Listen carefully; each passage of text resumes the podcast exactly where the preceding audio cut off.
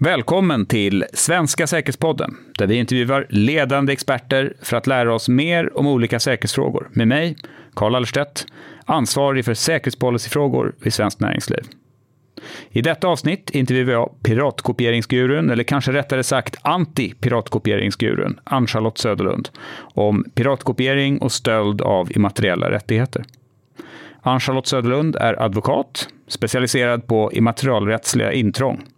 Hon grundade The Swedish Anti-Counterfeit Group och var en av medgrundarna till The Global Anti-Counterfeit Group. Dessutom är hon svensk expert i EU-kommissionens finansierade Expert Group on IPR Enforcement och utnämnd expert för The European Observatory on Infringements in IPR och mycket mer. Välkommen Ann-Charlotte! Tack så mycket! Alltså det blir, man märker att man har jobbat ett tag med alla, alla pedigree som kommer upp. Mm. Så är det. Tack för det. Ja, jag, och jag har ju inte ens nämnt hälften så att uh, det... um, piratkopiering det, det, är ju ett, ett stort problem eller, eller ett megaproblem som de flesta svenskar kanske inte riktigt förstår omfattningen av. Kan, kan du berätta hur stort det här egentligen är? Ja, alltså, nu, för det första, man kan bara mäta sånt som går att mäta och som går att se. Och det här är ju en brottslig marknad så att de siffrorna som vi kan mäta fram, till exempel som OECD gör ju statistiska undersökningar över världshandeln till exempel och EU-kommissionen mäter statistik över de varor som har stoppats. Så ska man gå bara vad, vad, man estimerar man säger, världshandeln så brukar man säga att det ligger mellan 5 och 7 procent Eh, sen så kan OECD komma med lite lägre siffror eh, därför att man utesluter vissa varor. Eh, men, men någonstans där så, så, så är det, ligger ändå är det ganska, ganska sant. Och bara in till EU så räknar man med att ungefär runt 6 består, som importeras består av piratkopior. Men som sagt det är ju toppen av ett isberg. Det är ju en, en, en svart marknad så att det går ju inte riktigt att mäta det. Men de här... det, är i alla fall, det är i alla fall väldigt mycket och väldigt mycket mer än vad folk tror. Ja, de här mångmiljardsiffrorna då som OECD tar fram. Och om man tänker då Sverige, hur påverkar det här egentligen svenska företag? Ja, det påverkar ju ganska mycket därför att man, eh, alltså dels så får de företagen som piratkopieras får ju inte avsättning av sina egna produkter som motsvarar piratkopian. Så alltså det är ju, man säger lost sales bara på det. Eh, eh, I alla fall kan man säga huvudsakligen får de inte det för det där beror ju på hur mycket piratkopian kostar och vilka, var någonstans den säljs. Men ett annat problem är ju att piratkopiorna konkurrerar ut mellanmarknadsmärkena, alltså de som inte är så flashiga men som ändå är gediget gjorda produkter. Och sen kan det ju också vara så att, till och med det har, vi hade ju exempel på Lovikka som ju faktiskt gick i konkurs på grund av att de konkurrerades ut av piratkopior på Lovica-vantar. Och det som då händer, ja dels går företaget i konkurs och dels så står konsumenterna plötsligt utan originalvaran när de upptäcker att piratkopian ju inte var något bra. Mm. Då finns det ju liksom inget original att gå tillbaka till. Jag tänker också på de här skandaler just om det är någon piratkopia som kanske till och med är farlig för konsumenten på något sätt. Eh, just den här risken då att man kanske dödar varumärket. Är det, känner du till ja, exempel på det? Ja, alltså, jag vet inte hur mycket man ska nämna. Det finns exempel på det. Och eh, det som ju gör det väldigt svårt det är ju att alla konsumenter som läser om det här, först slås det upp i tidningarna då att något känt varumärkesprodukt har skadat eller det har börjat brinna. Eller vi har ett exempel är ju piratkopierade mobilladdare som man absolut inte ska köpa därför att de är inte säkra. Ehm, och då är det ju oftast själva varumärket som får sig en törn. Och går varumärkesinnehavaren ut och ska förklara att men det här var en kopia så är det inte så många som faktiskt noterar det. Utan då tror man att nej men det där telefonmärket kan man ju inte köpa därför att eh, de kan ju börja brinna men det kanske inte var telefonen i sig utan det var piratkopierade tillbehöret till det hela. Mm. Men sen också finns det ju, det är ju andra saker som påverkas av det här. Man räknar ju med att man förlorar ungefär 468 000 jobb i bara EU på grund utav eh, eh, eh piratkopiorna. Mm. Eh, och dessutom så är det ju en, en tung post hos företagen att försvara sig mot piratkopior. Vet, ibland så brukar ju folk säga det att men varför gör inte exempelvis de kända modehusen någonting åt det när man är nere i södra Europa och de står och säljer på gatorna och så vidare. Man, och då är det så att pengarna räcker ju inte till att fighta på alla ställen utan man får välja sina krig. Det är väl ungefär så man får, får, får, får se på det hela men det är en väldigt tung börda samtidigt så Eh, kan man ju säga det att man får kanske se det som en investering istället i företagets varumärke, att man faktiskt håller rent. Eh, så man kan se det som en, en, en dold marknadsföringskostnad eller brandbuilding-kost skulle man kunna säga. Så det är inte totalt sank kost i alla fall. Mm. Du, du, du, nämnde, den omfattningen du nämnde då, eh, liksom ett antal procent av eh, världshandeln som består av piratkopierade varor och att det, det, är inte bara den förlorade försäljningen utan skadan är ännu större. Men vet alla företag som har, har problem egentligen om att de har problem? Nej, det gör de inte. Eh, och, och, men så, när jag ibland pratar med företag så säger men vi är inte, det är inga kopior av våra produkter. Men man kan väl säga så här att alla produkter som har en viss framgång på marknaden är föremål för piratkopiering och man kanske ska bara kontrollera det lite mer. Sen kan ju problemet vara mer eller mindre stort. Och det kan ju vara så att man redan från början har haft en, en effektiv, eh, man säger, proaktiv eh, strategi.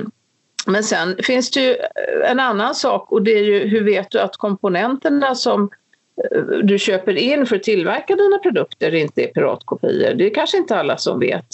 Eh, likadant man säger företag, det händer ju att du har seriösa handlare, storkedjor och sånt där som ibland råkar ut för piratkopior. Eh, och eh, man, man, man, var väl inte uppsåtligen eh, tänkt att man skulle köpa de här utan det har blivit utav ett misstag. Men då brukar jag säga det att det misstaget det styrs av girighet, det vill säga att man kanske har en inköpare på ett företag som Eh, vill eh, eh, ha så bra marginaler som möjligt. Och så hittar man ett jättebra erbjudande någonstans på någon hushållsapparat eller vad det kan vara. Och så köper man in den utan att ställa den där sista frågan var kommer de här produkterna ifrån? Därför att man vill liksom kanske visa vinst och marginaler och så vidare. Så att även om ens egna produkter, som man, om man är tillverkare, kanske inte kopieras i så, så hög grad så kanske man är påverkad av piratkopior på andra ställen istället.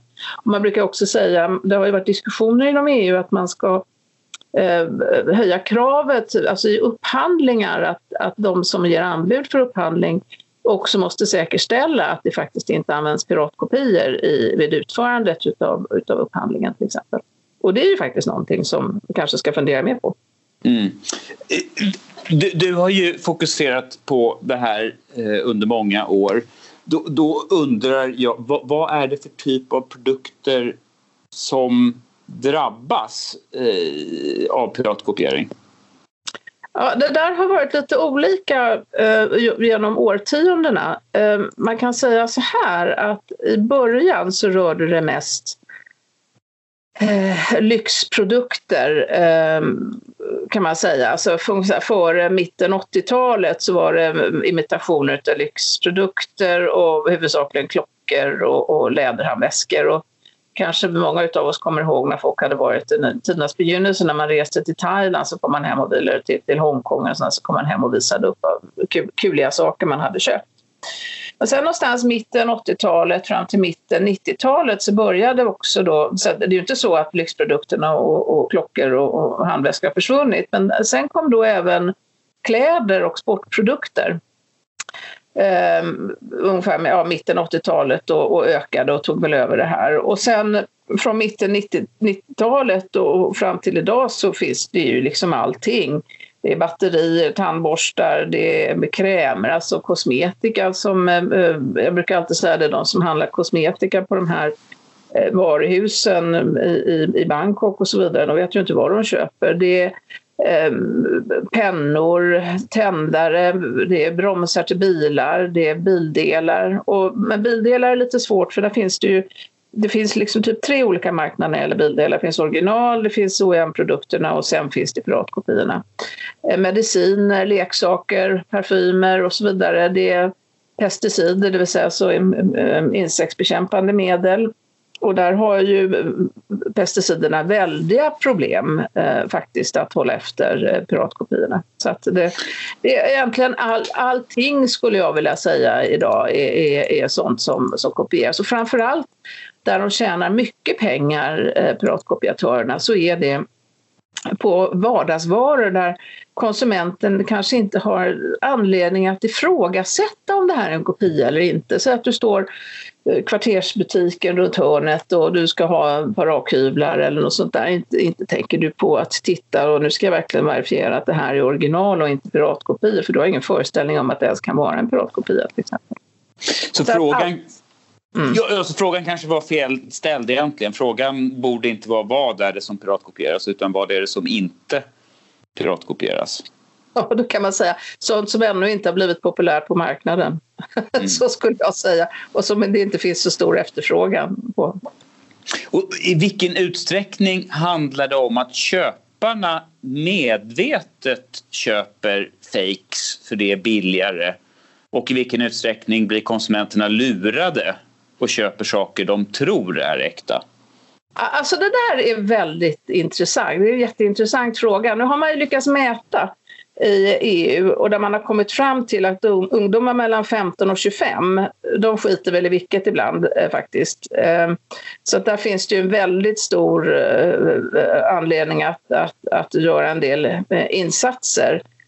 Det var nästan så att de, det var lite hämnd mot de här, alltså vi kommer tillbaka till Robin Hood jag brukar alltid säga det att mm det finns en slags Robin Hood-argument för att man eh, ska kunna eh, eh, köpa och, tillverka piratkopior. För man tar från de rika och ger till de fattiga och förresten, vem är det som skadas? Det är ingen som skadas i alla fall i den här handeln, vilket vi numera vet att det är framförallt i läkemedelsindustrin och sånt som man kan äta. Men sen så finns det ju de som eh, vet om att det är en piratkopia. Alltså, du, har de som rent uppsåt men så skiter i vilket och bryr sig inte så mycket om vad som händer. Det är rena, det är oftast ungdomarna. Sen har du nästa grupp som kanske är sådana som både konsumerar original och kopior och som köper helt medvetet att det är kopior.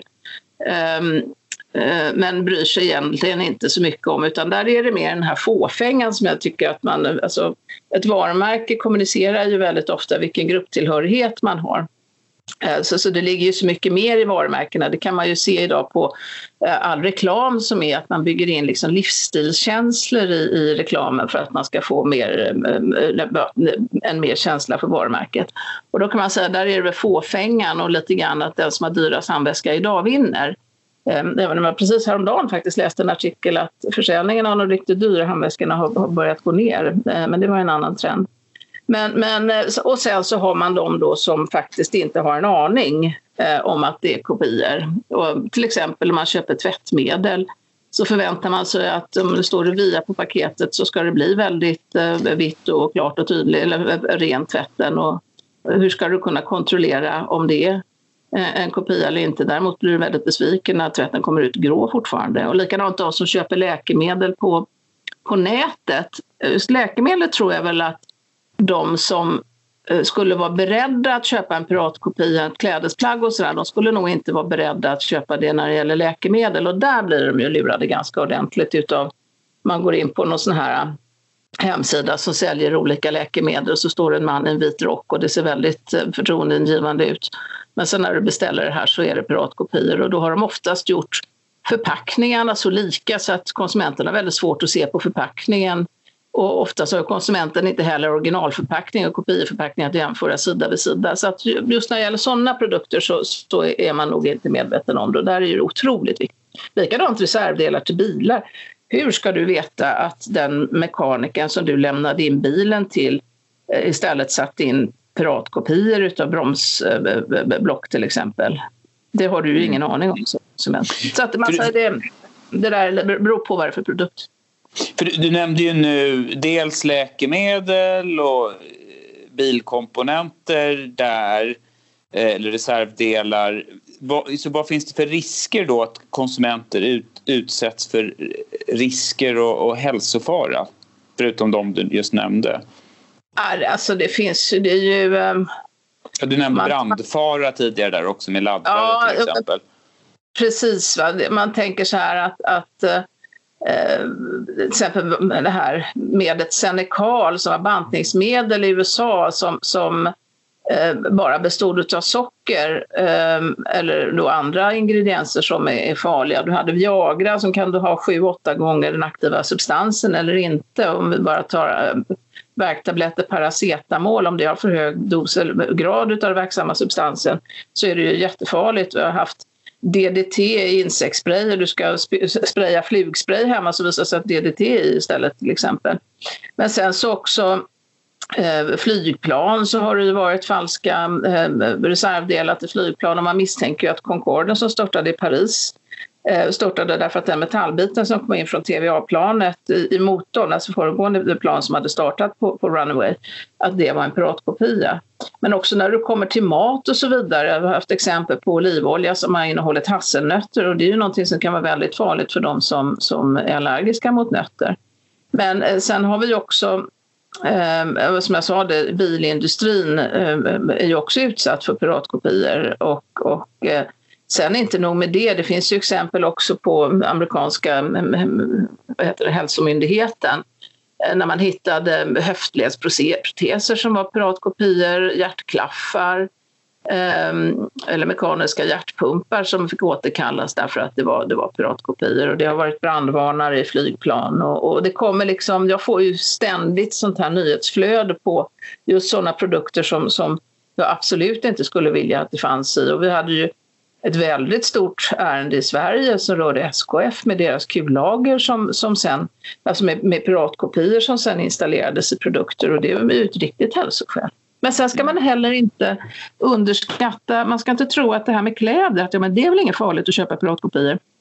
Ja, för det första så har vi ju höga krav på vad det får finnas för kemikalier i med, med plaster, och, alltså kläder och skor kan man säga, plaster och så vidare. Och sen också hur läder garvas och Eh, du har brandskydd i kläder och jag vet att vi har tagit barnkläder, såna här lite tyllaktiga som, som inte har någon sån här flamskyddsmedel i. Man vet inte vad som skulle hända om ett barn leker med det och går närheten av en ljusstake.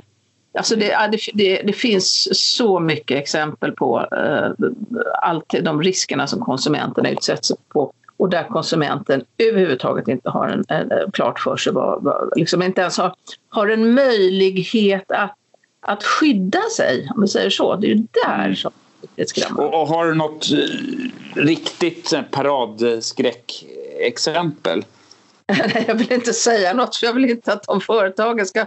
Nej, men alltså man får vara lite försiktig också. Men om jag säger både bilindustri och flygindustri och läkemedelsindustri och, och, livsmedelsindustri, um, det räcker inte det så, så, vill jag inte, jag vill inte peka ut något särskilt varumärke eller särskilt flygplansmärke eller något särskilt bilmärke. Men, men allt det här finns liksom. Mm. Mm. Varför väljer brottslingar att fokusera Eh, på den här typen av varor eller, eller just piratkopiering. Hur ser vi vinsterna, riskerna och incitamentstrukturen ut för dem? Det är ju enorma vinster i det här. Och du har ju de olika organiserade brottslighetsstrukturerna. Alltså, både maffian på Sicilien med Camorran i Neapel och du har ju triaderna, kinesiska um, um, grupperna och, och sen är också frågan om vem som har kontroll över eh, över um, hamnarna och där har du ju Kina som har köpt eh, hamnen i, i Neapel till exempel. Så att det där är Eh, alltså det, det, är verkligen organiserad brottslighet och är det inte organiserad brottslighet så är det brottslighet som är organiserad. Um, och alltså, Sen är de också, det är ju inte så att den, en grupp tillverkar eh, läkemedel och en annan äh, falska alkohol eller falska cigaretter, för det finns det ju också ganska gott då som man inte har en aning om vad det är Eh, utan de är ju opportunister så de tar ju det som är mest populärt för ögonblicket eller det som de kan lägga ehm, händerna på för ögonblicket och det är mest, eh, ehm, eh, mest avans. Och sen kan man se, vet att när vi har utrett ehm, till exempel webbhandel och man börjar rota i det så leder spåren väldigt många gånger till Turkiet. Och du har eh, organiserad brottslighet både i Bulgarien och Rumänien och Ungern eh, som sen ser till att få in det här i, i EU. Jag har själv varit vid gränsövergången mellan Turkiet och, och, och, och eh, Bulgarien och där är det ju lätt som en plätt att föra över stora långtradarsläp med piratkopior till exempel. Har de väl kommit in i, i EU så är de ju där till exempel. Att, och där har ju Interpol, eller Europol och EUIPO gjort en, en rapport också och verkligen fastställt att det här är organiserad brottslighet som ligger bakom. Men de är som sagt opportunister, de tjänar fruktansvärt mycket pengar eh, och de skiter fullkomligen i eh, om konsumenterna far illa eller inte. Det är de inte alls intresserade av. Och de, oftast är de här också inblandade i trafficking och narkotika. det där är ju liksom ett argument som man för fram och eh, även de konsumenterna var tröttna på att höra på det där. Men, men det är faktiskt så att trafficking, piratkopior och narkotikahandel, det går hand i hand för det, det är samma, samma gäng bakom skulle man kunna säga. Om man tänker själva produktionen av, av piratkopior, vad är de vanligaste länderna, ursprungsländerna? Ja, det är ju då Kina, eh, Thailand, Indien för läkemedel, Turkiet eh, och sen har man eh, eh, också Indonesien finns det ju en hel del. Eh, och sen har man ju hubbar då där man tar in till exempel eh, UAE. Dubai är ju en känd hubb, alltså sådana transit points. Man har ju haft en hel del problem med, med transitsändningar, att de kontrolleras ju inte där de, eh, där de när de är i transit bara. Och sen ska de, de här så kallade free trade zones ja, som används. Mm. Sen har du ju också, du har ju länder som låter tillverka eller man skickar ut ett fartyg och så sitter man och tillverkar piratkopiorna i lastrummet av den här båten ute på internationellt vatten. Och sen går man in i Port of Opportunity och lastar av där man för ögonblicket vet att det är mindre antal eh, kontroller.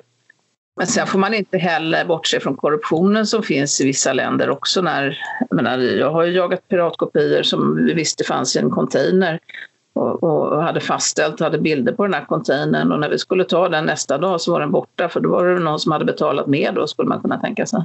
Så att mm. det, det, det, är så otroligt mycket eh, brottslighet i det hela.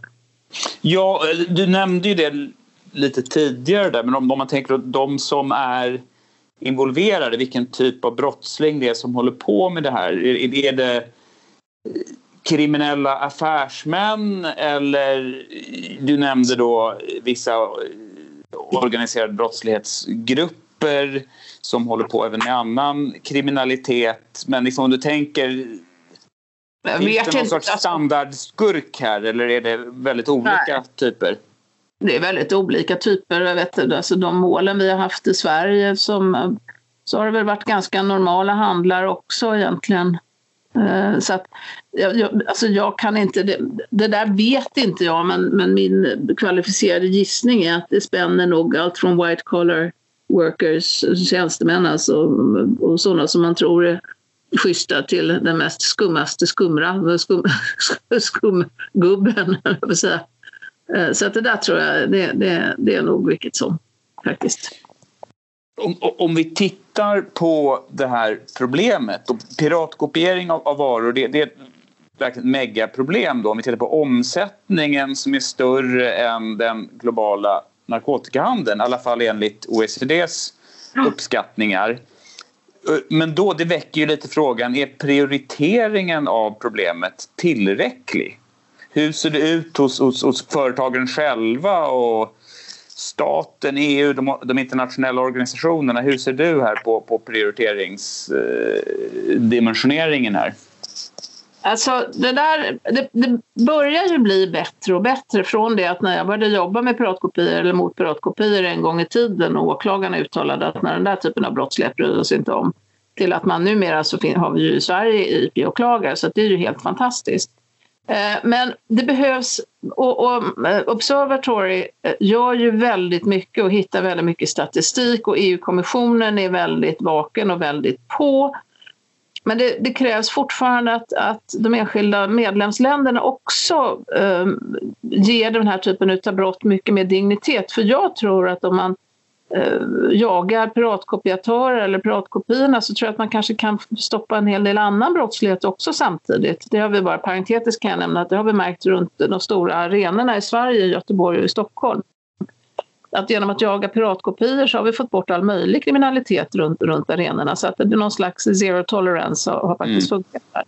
Men vi skulle behöva, man pratar väldigt mycket till exempel i Sverige om att innovation är viktigt och man får inte glömma bort att piratkopiering rör ju inte bara lyxvarorna då, utan innovation, alltså tekniska uppfinningar och så vidare också råkar ut för kopior.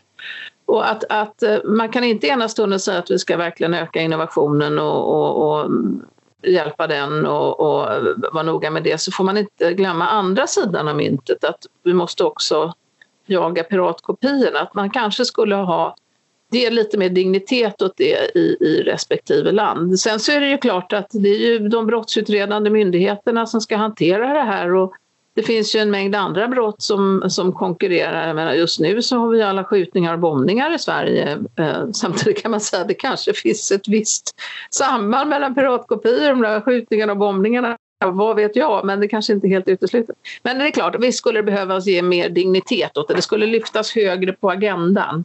Skulle, mm. Politikerna skulle känna till det mycket mer.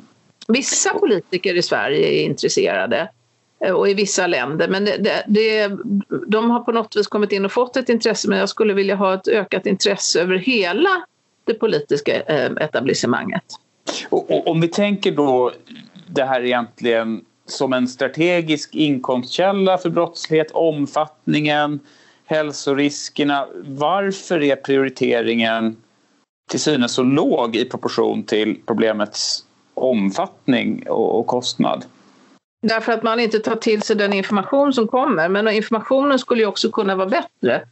Ehm, jag vet att PRV gör ju en hel del i det här och Svenskt Näringsliv gör ju en del också. Men Eh, sen är det om man tittar på exempelvis Svenska föreningen mot piratkopiering, det är ändå en ideell organisation där de som sitter och jobbar faktiskt har andra yrken också. Det, det är både en tids och pengafråga att, att kunna informera mer. Um, nu, numera så kommer det en och annan artikel i tidningar och, och um, ni gör den här säkerhetspodden till exempel. Men vi, vi skulle behöva ha mer information för jag tror att informationen går förbi de som faktiskt behöver lyssna på det. Och det är lätt att slå ifrån sig och sen när man kanske i Thailand på semester tycker att det var ju käckt med en, en, en falsk Laposte-tröja. Alltså någonstans där så finns det dubbelmoral kanske, jag vet inte. Det, och att man inte ser hela problemet. Jag brukar någon gång när, när, jag sitter på, när man sitter på en middag och frågar vad jobbar du med då? Jag ehm, och advokat och immaterialrätt och sådär och en del piratkopiering. Åh, det var så roligt, jag var där och där och köpte det och det. Och då brukar jag säga så här, men om du nu börjar fundera då på hur mycket på marginalerna då till exempel. Du betalade då några få dollar och sen så ska han som sålde den till han ska tjäna på det här och så ska han betala hyra och alltihopa. Eh, och så, så, så, han som han köpte produkten av ska också ha sin marginal och sina kostnader och sen kommer han som tillverkar som ju ska tjäna sin vinst och han ska betala löner. Hur mycket lön tror du hon fick? För det är ju en kvinna då i, i princip eh, alltid, eller ett barn till och med. Hur mycket tror du att den personen fick när de satte på den här etiketten på tröjan? Och jag vet att i Turkiet fick man fem lira för varje eh, liten figur som du sydde på, på en pikétröja.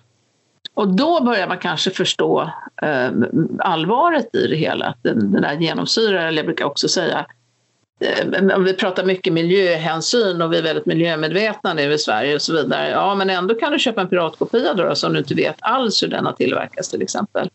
Så jag tror man kanske måste ta det lite på den bogen istället och inte bara prata om trafficking och droger utan så att det istället blir en moralisk fråga att har du, har du köpt en piratkopia och finansierar ehm, eh, barnarbete då, eller miljöförstöring? Alltså man, man, kanske skulle få det på den bogen, men det är ju en bit till. Vi måste ju orka göra det också. Mm. En, en, annan aspekt där, och, om vi tänker då på eh, företagen, att de ogärna pratar öppet ja. om piratkopieringsproblem. Ja. Blir det här inte ett sorts policy-dilemma? Att politiken jo. inte får tillräckligt med information ja. om problem de borde ta, ta tag i mer? Absolut. För det är ju klart att om ett företag skulle gå ut och säga det att oj, oj, oj, nu piratkopieras våra produkter, då säger folk plötsligt, men vänta lite grann, kan jag köpa det där varumärket? Stod det inte någonting om piratkopi, hur ska jag veta att det här är ett original? Och där kommer ju nästa problem för konsumenterna. Det finns ju alltid det finns en mängd olika sätt att försöka hjälpa konsumenterna att fastställa om produkten är ett original eller inte. Men det är inte alltid de ens vet att de ska ställa den frågan eller ofta så bygger det på eh, knepigt sätt att alltså det, det blir någon slags tröskel för att köpa den produkten. Och då kanske man väljer ett annat varumärke istället. Så att, att det där är ju sån uppmärksamhet som faktiskt kan slå tillbaka. Utan då är det bättre oftast när hela branscher går ihop. Eh, Till exempel lä lä läkemedelsindustrin har ju gått ihop och informerat. Då är det ju inte ett särskilt varumärke som eh, utsinglas utan då är det man säger hela branschen och det, det är väl kanske bättre. Så det där är väldigt, väldigt känsligt eh, faktiskt hur man, hur man ska tackla det. Om vi fokuserar på enskilda företag, hur ser du att företag kan bli bättre på att skydda sig mot piratkopiering och andra intrång? Och, och, och, vad är de vanligaste bristerna eller misstagen hos, hos företag och hur kan man rätta till dem? Ja, att man kanske underskattar risken för att bli piratkopierad. Det, det viktigaste är faktiskt att man, att man vidtar ant, eller, proaktiva åtgärder. Att man, eh, Ehm, jag brukar rådge att man eh, kontrollerar de marknaderna som man vet att där är det ganska vanligt med piratkopior. Eller det finns en här. Man, liksom, man kan använda privatdäck eller något sånt där, så man bara mappar hela, hur, hur ser marknaden ut? Vad är vi utsatta för för risker? Och sen så behöver man ju ha eh, lokala advokater i respektive land och att man då upphandlar lokala advokater så att så fort som det man får en indikation på en piratkopia att man agerar då redan innan problemet har blivit för stort. Därför att det är faktiskt avskräckande. Vi brukar kalla det för kackerlackstrategin. Och det, det jag kan jämföra då med, med I USA så har man problem med kackerlackor i, i fastigheterna och vad man gör är att man klär in hela huset i plast och så gasar man huset och då försvinner alla kackerlackor. Men det där kan man ju inte hålla på med allt för ofta och då gäller det att man i sin egen lägenhet ska skapa en så otrevlig miljö som möjligt för eh, eh, kackerlackorna just ja, så att den flyttar in till grannen. Och det är väl ungefär den, den strategin man kanske som företag ska använda. Man ska göra det så krångligt för alla som gör kopia av mina produkter så att de istället går till konkurrenterna. Och det gör man genom att vara på redan på de små, redan vara klar, liksom bara kunna trycka på knappen på nolltid i respektive land där det där uppstår. Vara färdigförhandlat med sina advokater om priser, för man kan förhandla ganska mycket sina kostnader när det gäller att agera mot det här. Och se till också att man har någon i företaget som faktiskt är ansvarig och det ska vara på högsta chefsnivå faktiskt. För det är där som, på den nivån man också ska skydda sina immateriella tillgångar, alltså vänster och varumärken och patenten också för den delen. Så att, att ha en strategi och då kommer man faktiskt ganska eh, kostnadsmässigt rimligt ut också. Så att det, det, behöver inte bli så, så fruktansvärt komplicerat och, och dyrt egentligen. Mm. Var det svar på din fråga? Ja, absolut. Eh, nej, just det där, är intressant att du nämnde det där med prioritering. Eh, att det ska vara på hög nivå i företaget. För det ju, gäller ju lite allmänt säkerhetsfrågor eh, ibland. Just att, att de hamnar på kanske för lite låg ansvarsnivå inom företaget. Eh, Ja, och väldigt ofta på en nivå där man, man så ofta byter eh, personer. Eller det kan vara en sån här massa karriärstegespost. Så att inom vissa företag så eh, har jag, har jag sett under min karriär att ett tag så är det jättemycket fokus och sen flyttar den personen på sig till nästa karriärsteg eller till ett annat företag. Och då plötsligt avstannar det på det första företaget. Då har man liksom gjort de här investeringarna kanske lite för för, för, för, i onödan. Utan det, det, ska finnas en kontinuitet, man ska säkerställa den. Och, eh, som jag har gjort med vissa klienter, det är ju att jag faktiskt har lärt upp dem inhouse också, hur man hanterar det här. Eh, och det betyder att det behöver inte vara juristerna själva, det kan ju vara sekreterare på administrativ personal på en juristavdelning eller på en annan avdelning kanske som, som, som också lär sig hur man ska hantera och där, där eh, den, advokaten som bolaget anlitar blir bollplank mer istället till exempel. Så då håller man ju kostnaderna in-house på det där. Och det är ju företaget själva som, som vet och kan avgöra om det är en piratkopia eller inte heller. Det är där kunskapen finns. Det, kan, det där kan aldrig advokater lära sig helt. Eh, man kan, har man jobbat med en klient under många år så, så eh, Eh, eh, kan man börja lära sig och kunna avgöra om det är kopior eller inte. Men annars är det väldigt svårt så länge man inte är på själva företaget. Om, om vi tittar på policyområdet, vad, vad är de stora förbättringarna som du ser som krävs på dels nationell nivå inom Europa och internationellt. Vi kanske kan börja med, med bristerna i Sverige och hur det ser man skulle kunna åtgärda dem. Ja, erkänna problemet. Och jag tror att om man erkänner problemet och att man faktiskt ger de som redan jobbar med det idag större befogenheter. Och jag tror inte att det är så mycket mer resurser kanske som behövs.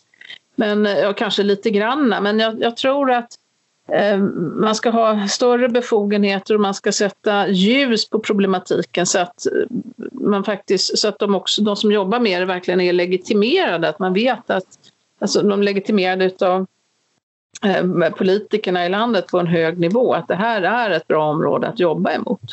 Och det är samma sak inom företag. Eh, att man eh, ska ta det på allvar. Policyn ska vara att vi accepterar inga piratkopior. Vi måste kontrollera att vi i vår verksamhet vare sig råkar ut för att någon kopierar våra produkter som att vi köper in piratkopierade produkter eller att vi tar det här på någon slags icke-allvar. Ehm, Uh, ungefär så, så, så, så uh, tror jag att man, man ska titta på det. Och, och internationella organisationer så tycker jag väl ändå att uh, både OECD och Europol och, och, Interpol, de har väl ändå det här uppe på agendan nu. De har ju ansvariga personer men de kanske skulle behöva ha lite fler därför att problemet är större än, än de stackarna som, som faktiskt har det här på sitt skrivbord. Ehm, men sen kanske man ska lyfta det till ännu mer såna här eh, intergovernmentala eh, organisationer och att det ska utgöra verkligen en punkt också vid förhandlingar med handelsavtal. Och sen önskar jag att, eh, jag vet vissa länders beskickningar, till exempel Frankrike, de har ju en riktig helpdesk till, till eh, sina företag i respektive land för att hjälpa mot piratkopior. Men jag tycker nog att svenska beskickningar skulle lära sig mer. Vi har ju, jag har ju träffat ambassadörer eh, i vissa länder och de har ju tyckt att det har varit jätteintressant men sen så liksom glöms problematiken bort. Så att handelsattachéerna ska väl kanske kunna hjälpa mer med det här.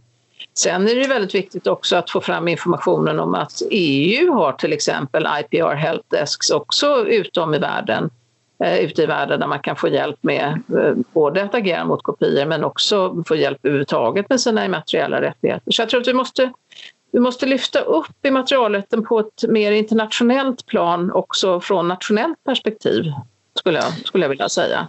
Att göra det ja. en del. Och just det här att Sverige är en sån exportberoende nation så borde vi ha ett starkare intresse än vissa andra länder som verkar fokusera på det här mer än oss redan, redan idag. Absolut. Um, men jag tänker den här utredningen eh, som eh, då med förslag om eh, grovt upphovsrättsintrång och grovt varumärkesintrång.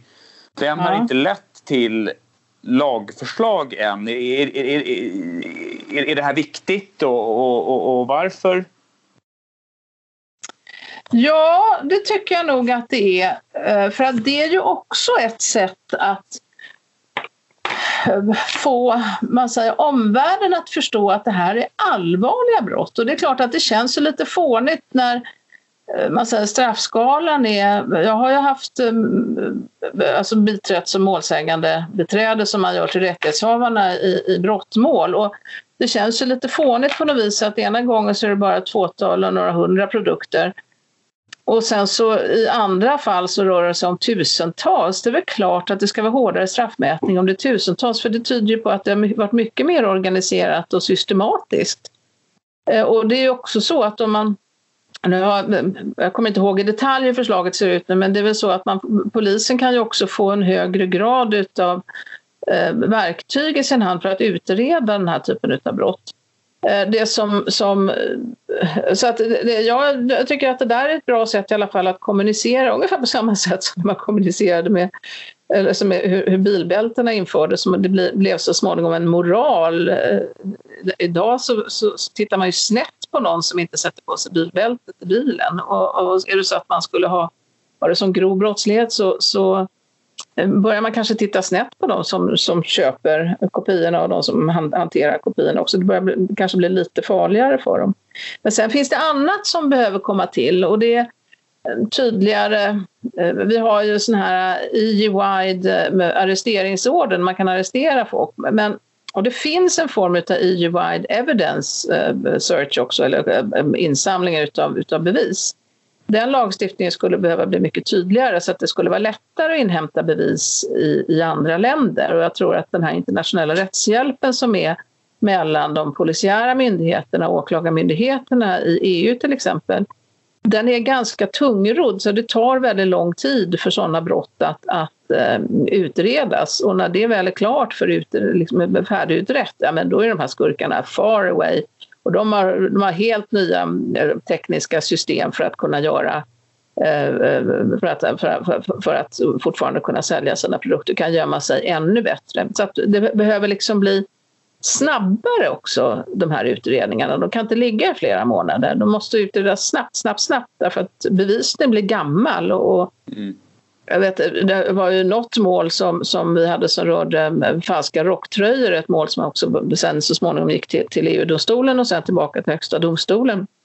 Och där, det tog tre år, eller två och ett halvt till tre år innan åtal väcktes eller om det var till dom kom. Eh, eh, jag minns inte det riktigt, men det var alldeles för lång tid och det gjorde att det liksom kändes när man hade målet i domstolen så kändes det nästan som att det här var ju gammal skåpmat, det var liksom gammalt och det, det där inverkar väldigt negativt på, på, eh, på hela målet och på brottsligheten och, och, och skurkarna, de som säljer, de galopperar hela vägen skrattandes till banken fortfarande. Eh, så att eh, det, finns, det behövs lite mer och inte bara att det ska vara grovt brott eh, om man får en viss nivå. Mm. Och om vi tänker tull också, det har ju varit en del diskussioner om det medialt här senaste tiden om tullens möjligheter. Eh, och det är väl i och för sig lite andra frågor och möjligheter och, eh, men, men när det gäller just immaterialrättsliga intrång, piratkopiering, hur ser tullens förutsättningar ut? Hur jobbar de? Om man jämför med, med andra länder, behöver tullen mer eh, resurser och andra förutsättningar än, än vad man har idag? Ja, alltså jag tycker väl så här, om jag bara får tycka utan att ha tänkt på konsekvenserna utav tyckandet, att eh, dels så måste tullen kunna stoppa varor som är på väg att exportera sig från Sverige och det är vare sig det är stöldgods eller piratkopior. Eh, men de behöver få större befogenheter. Men sen tycker jag att tullen också borde få mer liknande polisiära eh, befogenheter, i alla fall när det gäller falska varor och varusmuggling, vilket jag tror skulle avlasta polisen också. Eh, det finns ju exempel på det i andra länder. Frankrike är ett sådant land där tullmyndigheten kan agera eh, nationellt också. Mm.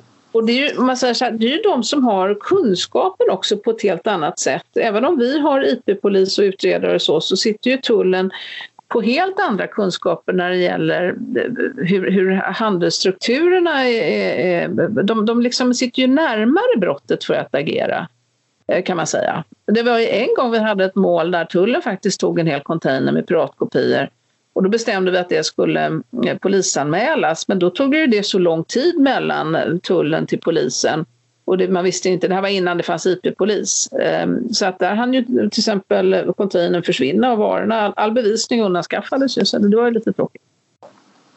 Och, om, om vi tittar då utanför landets gränser, det här internationella samarbetet, för det är ju ändå ett internationellt fenomen med mm. huvudsakligen produktion då, då utomlands. Och, olika såna här transit points med free trade zones eh, när det gäller transportering och eh, finanscentra som är involverade. Hur, vad, vad, vad, behövs? Eh, liksom, för, förutom att förbättra det, det, av det vi har, behöver man någon sorts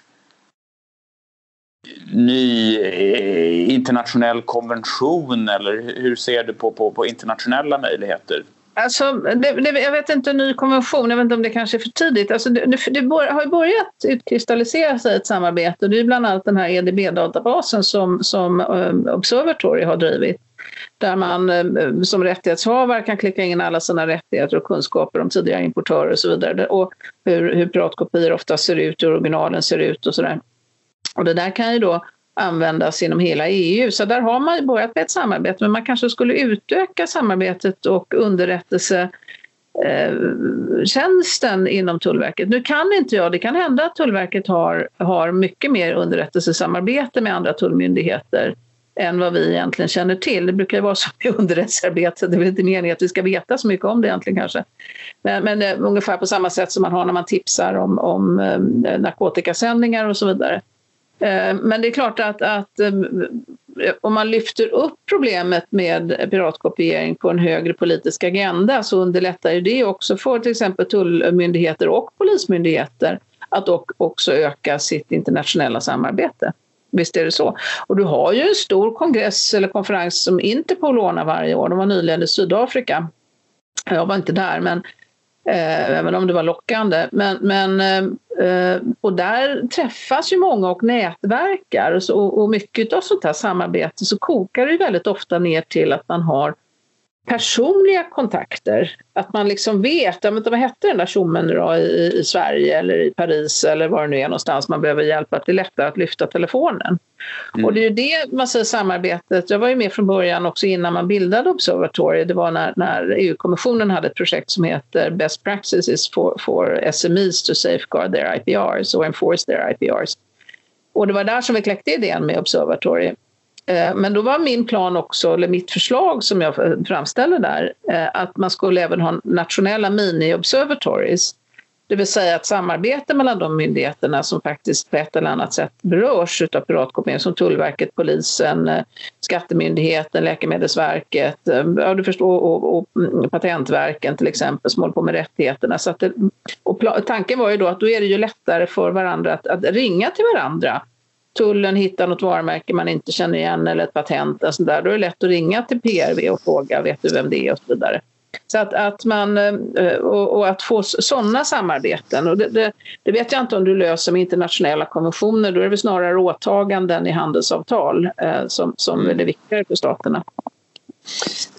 När det gäller just Kina, så, som enligt eh, dels EU-statistik och eh, ja, det är väl samarbete mellan EU och OECD där men så källan för de flesta piratkopierade varor borde Europa, Japan, USA och andra likasinnade bli bättre på att agera gemensamt för att sätta tryck på Folkrepubliken att vidta kraftfullare åtgärder mot piratkopieringen. Och, och och i så fall, hur, hur, hur ska de gå tillväga och, och vad är det som behövs mest? Ja, men det är väl bra om, om handelsländerna sätter press. Eh, Trump gjorde det väl, det är väl ungefär det enda bra han har gjort. Så satte han press, om man nu får uttala sig på det viset. Men han satte ju press på Kina när det gäller piratkopior eh, faktiskt. Eh, och det är väl bra om andra länder gör det också. Eh, problemet är väl att andra länder kanske är lite för små ibland eh, för att då, då kommer Folkrepubliken att kanske svara med andra medel och det vill man inte. Men, men, eh, så att, och, men sen får man inte heller glömma bort att Kina faktiskt har eh, implementerat olika program mot piratkopior. De hade något som hette The Dragon Sword tror jag som var just kampen mot piratkopior. Och likadant Thailand, så är, i alla fall när jag var där sist um, och då träffade tullen i, i, och ansvariga personer för, för piratkopior och immaterialets eh, intrång eh, i Bangkok. Vilket för övrigt, hon som var chef där, hon hade varit utbytesstudent i Sverige som pratade svenska. Mm. Eh, men det är ju faktiskt förbjudet att exportera piratkopior från Thailand och importera. Men det är klart att mm. ja, och det är få som vet om det. Och sen vet jag inte hur mycket tullen i, i Thailand faktiskt bryr sig om att söka eh, resenärernas eh, eh, bagage. Men, men det kunde ju vara någonting att lyfta fram. Man önskar ju att de i alla fall tog någons resväska någon gång. Mm. Eh, men, men, eh, eh, så att de, de här länderna har ändå viss implementering och försöker ju säga att, att det är bättre att vi skapar våra egna immateriella rättigheter. Tänk Thailand till exempel som är så duktiga på, på textilier. Tänk om de kunde istället ha sina fina varumärken på textilprodukter. Men samtidigt så är väl vinsterna alldeles för stora för, för kopiatörerna så att det blir svårt för dem att få gehör riktigt. Det finns ju en dubbelmoral där. Alltså man ena stunden till exempel i Kina tillåter man de här varuhusen som inte gör annat än säljer piratkopior och andra stunden pratar man om, om the Dragon Sword. Och, men de, samtidigt så är ju kinesiska myndigheter de är ju väldigt villiga att hjälpa till när man eh, jag har ju varit nere och gjort raider i, i Kina och tittat och, och kartlagt var det funnits piratkopior och det har ju varit väldigt bra eh, eh hjälp ifrån den administrativa polisen. Och det har funnits ett väldigt stort intresse också. Jag vet att du var i, jag tror att det var Peking eller om det var Shanghai, så när vi träffade mm, finanspolisen också. Så att nog gör de, men problemet är ju väldigt stort. Men man kanske skulle vilja sätta press att de gjorde lite till. Men det har, man, man har alltid bemött väldigt väl i alla fall när man väl håller på att fightas om, om privatkopiorna. Det, det, måste jag säga. Så det har jag varit imponerad av. För, för det, men det du nämnde där tidigare, det var just det att som ett litet land kanske man inte vill sticka just eh, om man är för kritisk mot ett stort land som ett litet land så kan det påverka eh, handels eller investeringsmöjligheter negativt. Men just den här vikten då av att eh, likasinnade samarbetar och där känns det väl då i Sveriges fall att EU blir ja. det främsta, den främsta eh, mekanismen för att hantera det men även att då EU kan samarbeta mer kring de här frågorna med andra eh, Jo, men man gör ju det också. Men det är klart att det kanske behövs, skulle behövas på ett högre, högre plan. För redan 2001 tror jag att det var, om det var 2000 eller 2001, så var jag nedbjuden till eh, Hanoi och då faktiskt utav handelsattachén på franska ambassaden i Stockholm. Eh, därför att då var det ett möte mellan EU och ASEAN, eller ASEM, jag kommer inte ihåg vilken organisation det var, och där var alla eh, asiatiska ländernas justitiedepartement och, och, och tulltjänstepersonal eh, inbjudna. Och jag vet att jag höll ett föredrag om hur, hur svensk lag var uppbyggd för att eh, bekämpa piratkopior och jag berättade också om enbarsingripanden. Jag har ju varit ute och gripit piratkopiatörer på gatan. Jag gör inte det längre men, men jag har faktiskt gjort det och tillkallat polisen omgående så att det, det har funkat. Uh, så att där fanns det liksom uh, två dagar avsatta bara för att prata om det här problemet i, i just mellan EU och de asiatiska staterna. Mm. Sen parentetiskt kan jag då tyckte Kina att då skulle alla införa ett krav på att man skulle kunna göra citizens arrests. Att man, man måste göra citizens arrest och dessutom skulle det. det. vara extradition, utlämning och där, där, gick det väl kanske lite långt. Men det, redan 2001 har det här diskuterats men det måste, det måste få liksom större fart, större tyngd, större höjd. Så skulle jag vilja säga. Mm. Vi börjar närma oss slutet nu. Um, Ann-Charlotte, är, är det något ytterligare du skulle vilja tillägga innan vi avslutar? Alltså jag tycker att, att man måste också se, det som jag vill återigen trycka på det är att vi pratar inte bara handväskor och klockor utan vi pratar alla typer av produkter. Och utöver att det är farligt och att vi förlorar arbetstillfällen, framförallt i Europa och så, så måste man också förstå att förekomsten av piratkopiering det hämmar innovation och utveckling, expansion av företag. För varför ska man investera i innovation och utveckling om man ändå riskerar att någon annan snabbt sen kopierar sina produkter? Um, och, och, där kommer ju dilemmat företagen som ska ha råd att försvara sig. Och det är klart de stora företagen har det, men de mindre företagen som det är någon som kommer på en kul idé och kanske belåna sin fastighet och så vidare för att kunna, kunna realisera den här idén och sen plötsligt så kommer det bara något halvår senare kopior från Kina. Det, det, det blir ju inget bra. Eh, och likadant de höga kostnaderna att försvara sina immateriella rättigheter. Och där är ju ett problem med eh, Ska det finnas någon form av försäkringar eller hur, hur ska man kunna få finansiera det här på något vis? Eh, och dessutom att återigen att man har klart för sig att det här är skadligt för miljö och för konsumenter i, i, i det långa loppet. Det, det, det, det, är mycket farligare än man tror. Man ska inte ta piratkopiering som en, en, en trivialitet utan det är faktiskt väldigt allvarligt. Och det gäller också för företagen att ha en intern policy hur man ska hantera det hela. Ann-Charlotte, stort tack för ditt medverkande i Säkerhetspodden. Tack så mycket, tack för att jag fick vara med. Ann-Charlotte belyste verkligen hur omfattande och komplext piratkopieringsproblemet är, vilket gör det än mer förvånande att det fortfarande finns berörda företag som inte tar problemet på allvar. I nästa avsnitt fortsätter vi på temat piratkopiering och intervjuar Peter Hedin, sannolikt den person som vet mest om svenska statens arbete mot piratkopiering. Vi hoppas att du kommer att lyssna då. Tack för att ni har lyssnat på Svenska säkerhetspodden med mig, Carl Allerstedt. Om du tycker att detta avsnitt eller något annat avsnitt är intressant, tipsa gärna vänner och kollegor om den svenska säkerhetspodden. Tack igen för att du lyssnade.